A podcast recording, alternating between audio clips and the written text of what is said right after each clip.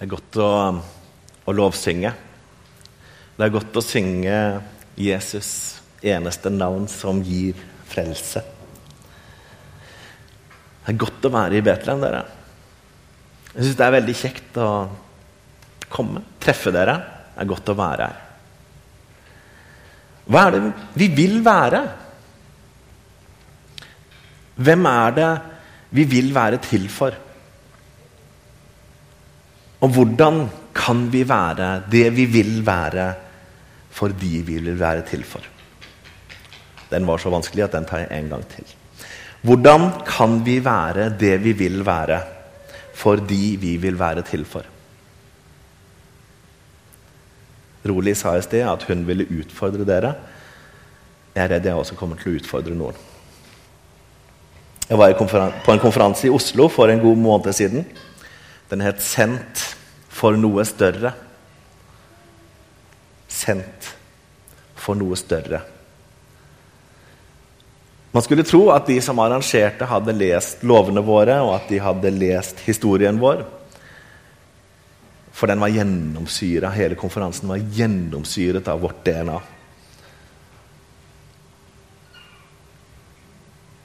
Vi fikk høre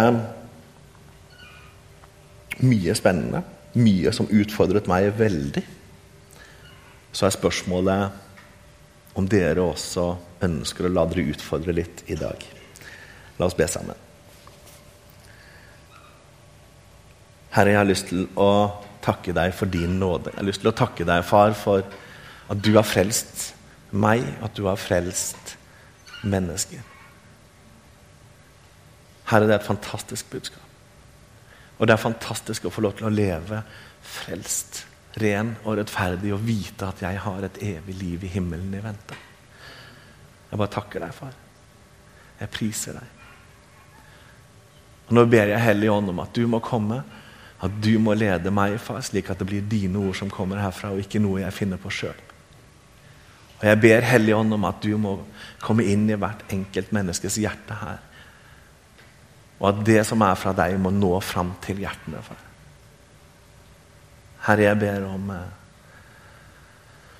at du er til stede nå de neste minuttene. Takk for at vi skal få legge det i dine hender, og takk at det handler om deg og ikke om oss. Amen. Først så har jeg lyst til å sitere noen litt kjente linjer for dere. Jeg regner med at de fleste av dere har hørt disse linjene før. Lovene våre paragraf 1. Vi skal vekke og nære et sant kristelig liv i Bergen og omegn.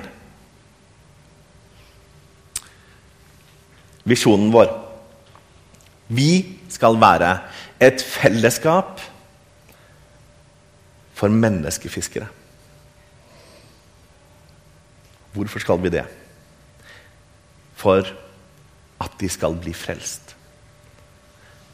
disse menneskene som bor i byen vår. Og Dette tvinger fram et spørsmål hos meg som jeg syns ikke alltid er like behagelig. Hvor mange har blitt vekket til et kristelig liv gjennom arbeidet vårt det siste året? De siste tre årene? De siste ti årene? Jeg skal lese noen ord fra Bibelen. Apostelgjerningene 2, 42 47 kjente vers for de fleste av dere. De holdt seg trofast til apostlenes lære og fellesskapet, til brødsbrytelsen og bønnene.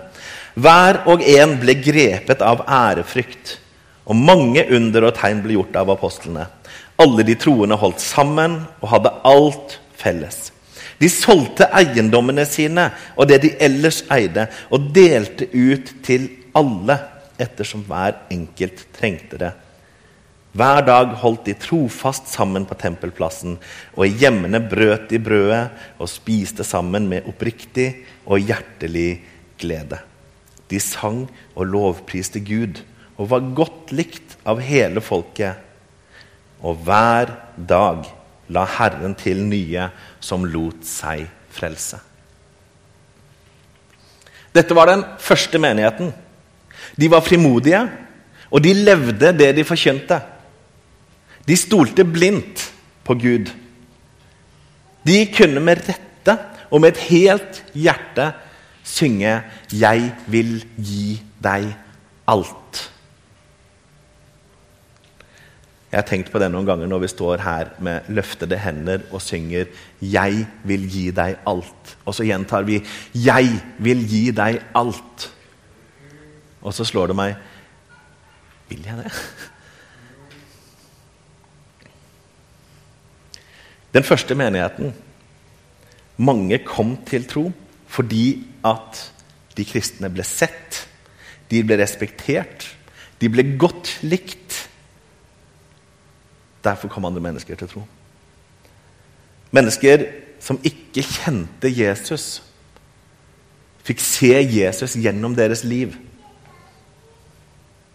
For noen år siden så gikk jeg en tur ut på gata utenfor her. Jeg skulle lage en sånn eh, Fire på gaten-reportasje til Vårt Liv. Um, og jeg stilte et spørsmål eh, Hva forbinder du med Bergens Indremisjon? Og jeg traff på, Det var en søndag tidlig, det var før møtet. så det var nok så tidlig. Og uh, Det var en del av de som gikk forbi her, som uh, bodde i nabolaget. Og Så stopper jeg da et menneske her ute. 'Hei, du, kan jeg få lov til å stille deg et spørsmål?' ikke sant? Så ordentlig proff ut med blokk og penn og kamera på magen og hele pakka. Og så sier jeg 'Hva forbinder du med Bergens Indremisjon?' Bergens hva for noe? Bergens Indremisjon. Hva er det? Nei, det er den forsamlingen som holder hus her. Hæ? De bor i nabolaget vårt. De går forbi her hver dag. Og flere av de uttrykte overraskelse. Aldri visst at det var noe kirke eller noe bedehus her.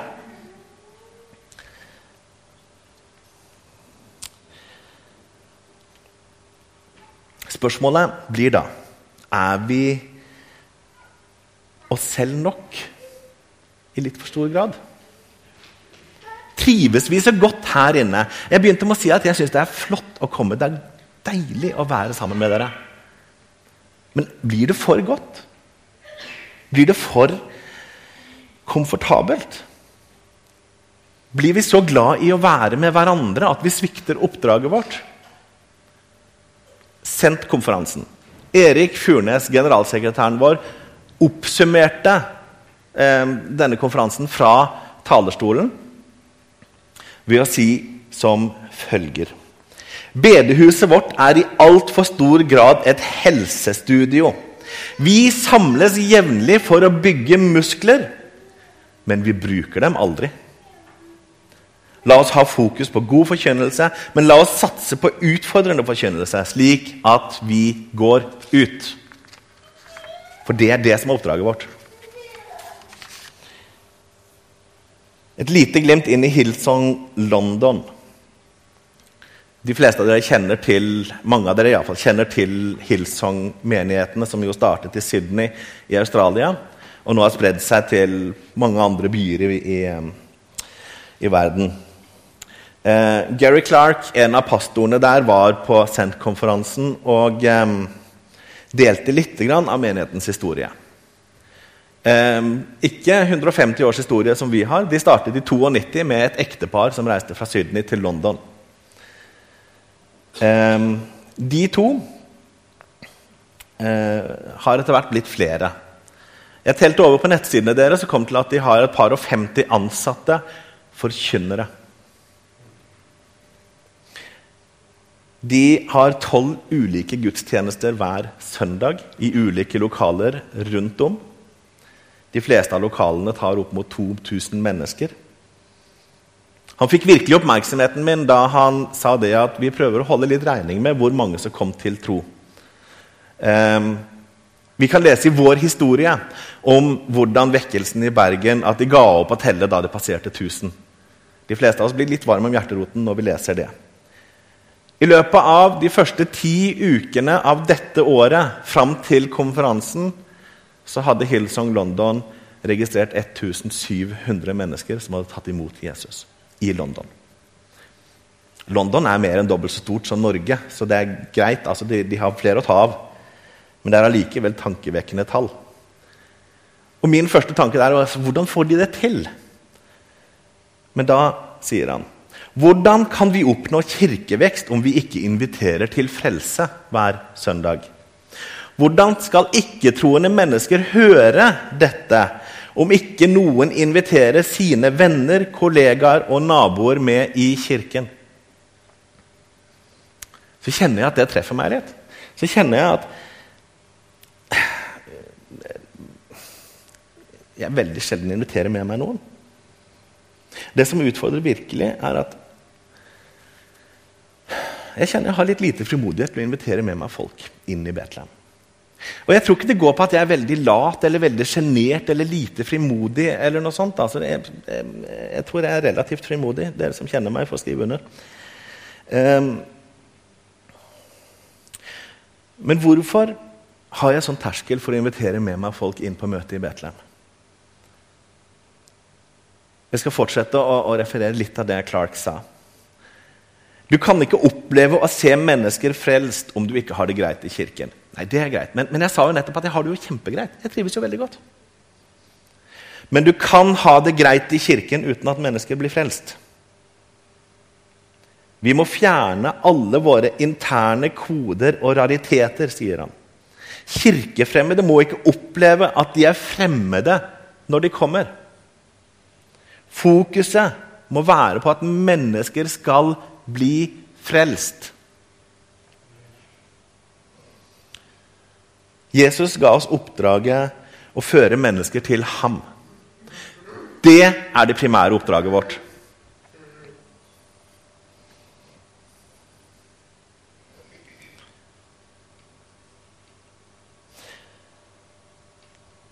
Så da spør vi oss selv ville jeg invitert noen med på dette møtet. her? Vil du invitert med deg noen inn her i dag? Og Hvis svaret er nei, og for min del så er det kanskje nei, så Da trenger vi å stille oss spørsmålet hvorfor?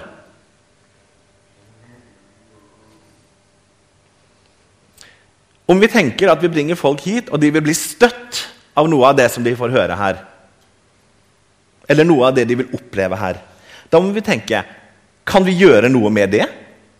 Kan vi endre noe av det som gjør at mennesker blir støtt? Og det kan vi. Og Det handler ikke om å gå på kompromiss med budskapet, for budskapet er bra. Men vi må gjøre møtene til møter for vanlige folk. Og hvordan kan vi gjøre det? Hva gjør du når du inviterer med deg mennesker hjem til middag? Vi har planer om å invitere med oss noen mennesker hjem til middag nå utover i uka. Og da legger vi litt flid i det. Altså, vi, vi, vi, går over og ser over huset. Altså, om det må vaskes, så vasker vi litt. Det må ryddes litt. Vi setter på plass noen sko, vi tenner noe lys, vi dekker bordet, slenger på en duk og, og setter fram noen blomster. Vi gjør det litt fint, for vi vil at folk skal kjenne seg velkomne når de kommer. Så møter vi gjerne gjesten vår i døra. Vi tar godt imot dem, sørger for at de blir sett. Hvorfor gjør vi ikke det for mennesker som kommer hit? Hvorfor er vi ikke like på når noen kommer inn i vårt andre hjem?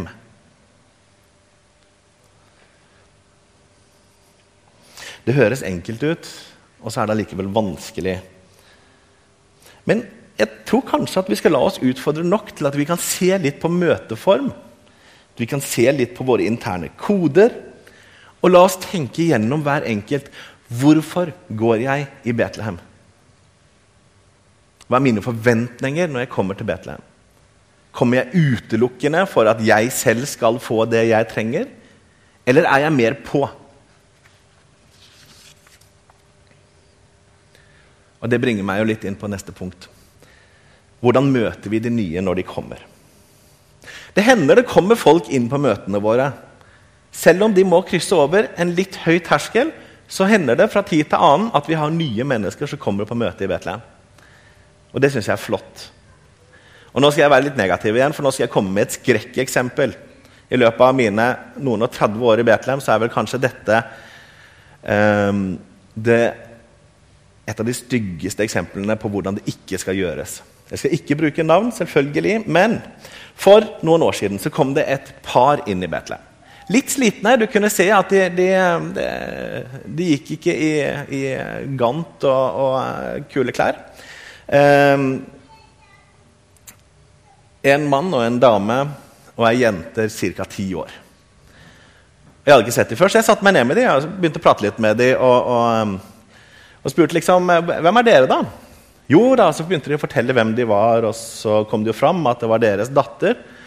Og så kommer det fra, fra, kvinnen at men vi er ikke gift. Og så ser jeg angsten lyse i blikket hennes, og så skynder hun seg å legge til men vi bor ikke sammen heller, altså.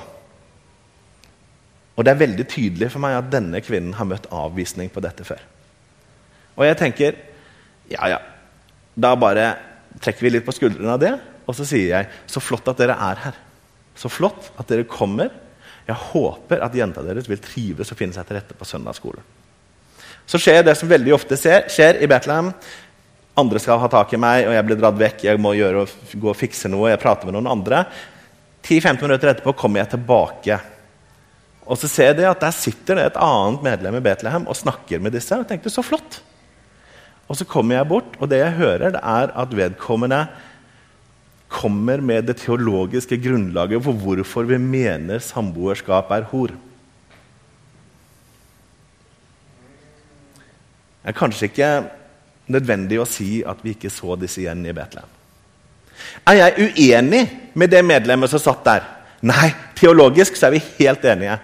Er jeg uenig i at dette er det første vi skal møte et menneske som søker med.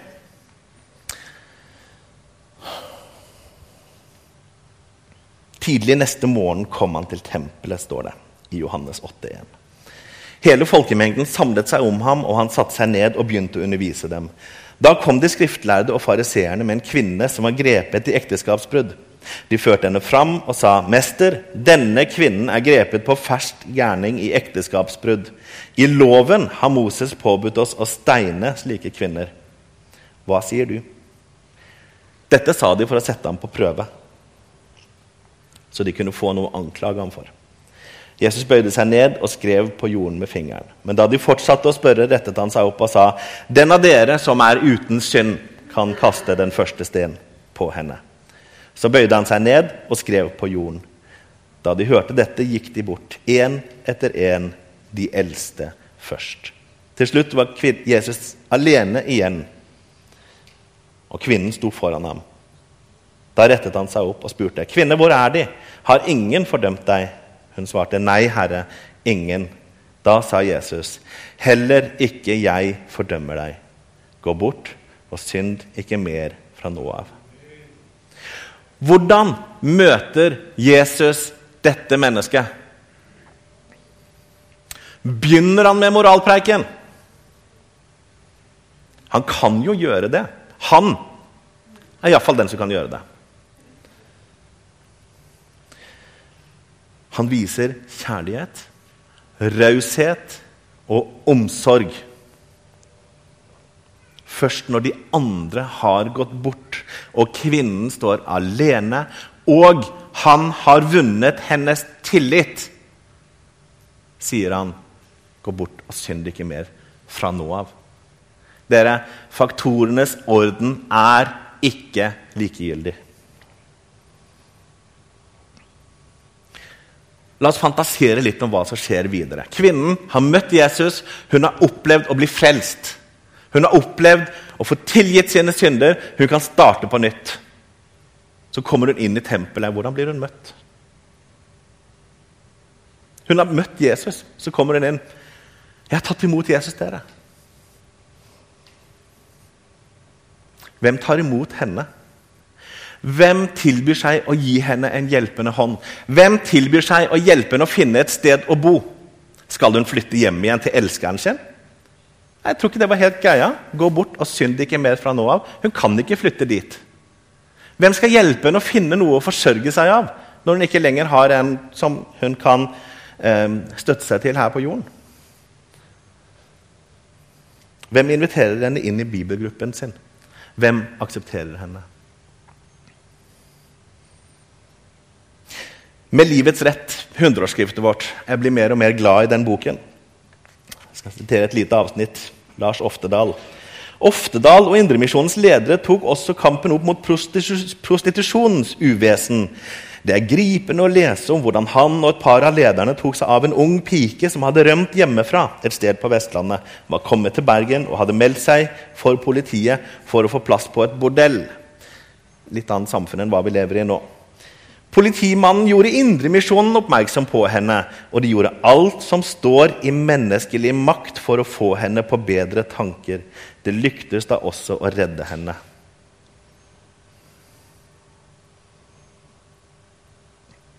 Jeg kunne lest flere bibelhistorier. Jeg ser klokka går fryktelig fort. Um, når fariseeren inviterer Jesus til å spise, og denne syndefulle kvinnen kommer og vasker føttene hans med tårene og tørker med, med håret sitt. Og fariseeren arrogant tenker Særlig hadde han visst hvem dette var. Og Jesus sier, 'Den som har fått tilgitt mye, elsker mye'. Gud viser sin kjærlighet til oss ved at Kristus døde for oss mens vi ennå var syndere, står det i Romerne 8. Mens vi ennå var syndere. Har du gjort deg fortjent til frelsen? Det er Jesus som har gjort deg fortjent til frelsen.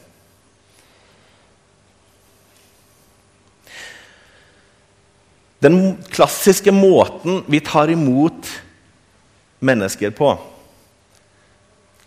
kan sies i tre deler. Og nå er jeg inne på et av seminarene fra, fra SENT-konferansen. En kanadisk frelsesarmé-kvinne eh, som traff meg der det gjorde mest vondt. Hun sier den vanlige måten vi kristne tar imot mennesker som kommer til oss på, det er at de kommer til tro. Og Det er gjerne grunnen til at de kommer. De har begynt å søke, de har begynt å finne noe, de har kommet til tro. Så sier vi, om ikke i ord, så iallfall i gjerning, bli som oss. Og når de er blitt som oss, så vil vi vurdere å akseptere dem. Kom til oss, bli som oss, vi aksepterer deg. Er det måten å gjøre det på? Det er en nokså tung vei å gå for mennesker som kommer hit inn. Og De siste årene har det kommet en del mennesker hit inn, og så forsvinner de ut igjen. I den grad vi har menighetsvekst, så handler det om at mennesker kommer flyttende til byen fra sine egne bedehusmiljø. Det er veldig veldig liten menighetsvekst i Betlehem av nyfrelste. Og jeg tror kanskje noe av hemmeligheten ligger der, at den veien blir for tung å gå. Kom til oss, lær deg å være som oss. Så inkluderer vi deg, og så aksepterer vi deg. Hvorfor snur vi det ikke bare på hodet? Hvorfor kan vi ikke si til mennesker 'Jeg ser deg, jeg aksepterer deg, jeg elsker deg'? For min Gud har elsket meg så høyt at jeg er nødt til å elske deg. Jeg ønsker å inkludere deg. Jeg ønsker å bruke tid med deg. Jeg er genuint interessert i deg. Og i den prosessen, når vi bruker tid med mennesker som ikke, til, ikke kjenner Jesus, så kan det være vi lærer et og annet selv. Og det kan være at de lærer et og annet av oss. Vi blir mer like. Og gjennom at et menneske som ikke kjenner Jesus, tilbringer tid med deg og med meg, så ser de Jesus gjennom oss. Apostelgjerningene 2, de første kristne, de ble godt likt i, i, i byen. Derfor kom mennesker til tro. Når de da kommer til tro, så har troen et fundament og et grunnlag. Kan du være en som fører andre til Jesus? La meg gi et lite praktisk eksempel. En kar som jeg kjenner rimelig godt, kom flyttende fra Østlandet til Bergen og begynte på Rotthaugen ungdomsskole. Han het Kenneth. Eh, snakker fremdeles østlandsk på tross av at han har bodd der siden 1981. Han taler i Betlehem i dag. Eh, hvis det er noen som trenger flere hint, så får dere rekke opp en hånd. Jeg kjente ikke Jesus da jeg kom hit. Jeg vokste opp i et hjem med ikke-kristne foreldre. Ubevisste foreldre, ikke på noen måte motstandere, men ubevisste. Um, begynte på Rotthaugen. Rimelig tøft miljø. Um, og havnet jo inn i et miljø som ikke på noen måte var kristent. Så var det én i klassen som så meg. Og han tok meg med inn hit, på Y-a. Han aksepterte meg, han brukte tid med meg, han var med meg, og han dro meg med hit.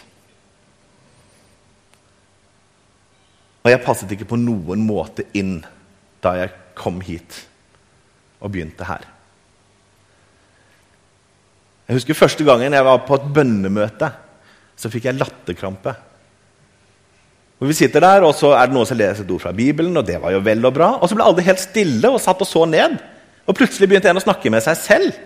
Jeg lo så jeg skreik, og jeg klarte ikke å stoppe. Det var sikkert ikke veldig gøy for Tormod som satt ved siden av meg og dratt meg med. Det gikk lang tid før jeg lærte kodene. Det gikk lang tid før jeg ble litt strømlinjeforma til å kunne passe inn. I den grad jeg passer inn, det får jo dere bestemme. Men Tormod gikk sammen med meg. Han lærte meg litt om, jeg kunne, litt om litt, hvordan jeg kunne leve som en kristen. Og jeg kom til tro. Og jeg kom, hadde aldri kommet til tro hvis Tormod hadde, hvis, hvis Tormod hadde krevd det som et første steg. Hvis han hadde sagt det at nei, nå får du se til å bli luthersk konservativ kristen, så skal du få lov til å bli med meg i Betlehem. Da hadde ikke jeg vært her i dag. Fordi at jeg ble sett, fordi at jeg ble akseptert med alle mine mangler, fordi at noen gikk ved min side de første viktige skrittene, så venter en evighet i himmelen på meg. Og jeg vet at dette skjedde ikke uten offer for Tormod. Han sa det mange år senere. Så sier han at det var, eh, det var ikke greit. Jeg kjente at det var utfordrende. Jeg kjente at det var litt sånn Var det jeg som dro med han her? Østlending uten forståelse for tro. Banner. Ut og røykte under møtet. Flørta med alt som hadde to sko hadde jentenavn. Jeg kan på en måte forstå at han syntes det var litt sånn Men han gjorde det. Hvorfor gjør vi ikke dette i dag? For våre naboer, for våre venner, for våre kolleger. Hvorfor tar vi ikke interesse i livene deres? Bruker tid med dem? Det handler ikke om å invitere dem inn på møte, det er ikke det første du gjør. Men bruk tid med dine ikke-kristne venner, og la dem se Jesus gjennom deg. Så blir de nysgjerrige, og da kommer tiden for å begynne å dra dem med hit. Men kan du forkynne, da? Hvor mange her er det som har teologisk embetseksamen? Det er vel det som må til? er det ikke det? I så fall så kan jeg gå ned og sette meg. Du vet det du trenger å vite. Gud skapte oss. Vi feilet. Jesus frelste oss. Den hellige ånd ble gitt oss til veiledning. Jesus kommer igjen en gang, og de som tror, skal bli med han til herlighet. Må jeg gjenta det, eller kan dere det? Jeg tror dere kan det. La oss bruke det. For resten kan vi nemlig overlate til Gud. Om vi tar dette på alvor, da blir vi et fellesskap for menneskefiskere. Om vi tar dette på alvor, så vil vi oppleve at de blir frelst. Da blir det noe annet enn et fint ord på veggen. Og da oppfyller vi den viktigste paragrafen i lovene våre, paragraf 1. At vi vekker og nærer et sant kristelig liv i Bergen og omegn. Jesus, jeg ber om at du må komme og tale til hver enkelt av oss. Herre, jeg ber om at de må bli frelst, de menneskene som bor rundt Betlehem, som bor rundt hjemmene våre. Herre, du ser alle oss som er her i dag. Du ser alle de menneskene vi kjenner, som ikke kjenner deg. Herre, må du pirke i oss, må du gjøre oss urolige, må du hjelpe oss ut av komfortsonen og inn i den sonen du vil ha oss. Herre, hjelp oss å se hva som er viktigst av alt i livet. At ikke det handler om å bygge garasjer og pusse opp hus og reise på ferier, men at det handler om deg og kun deg.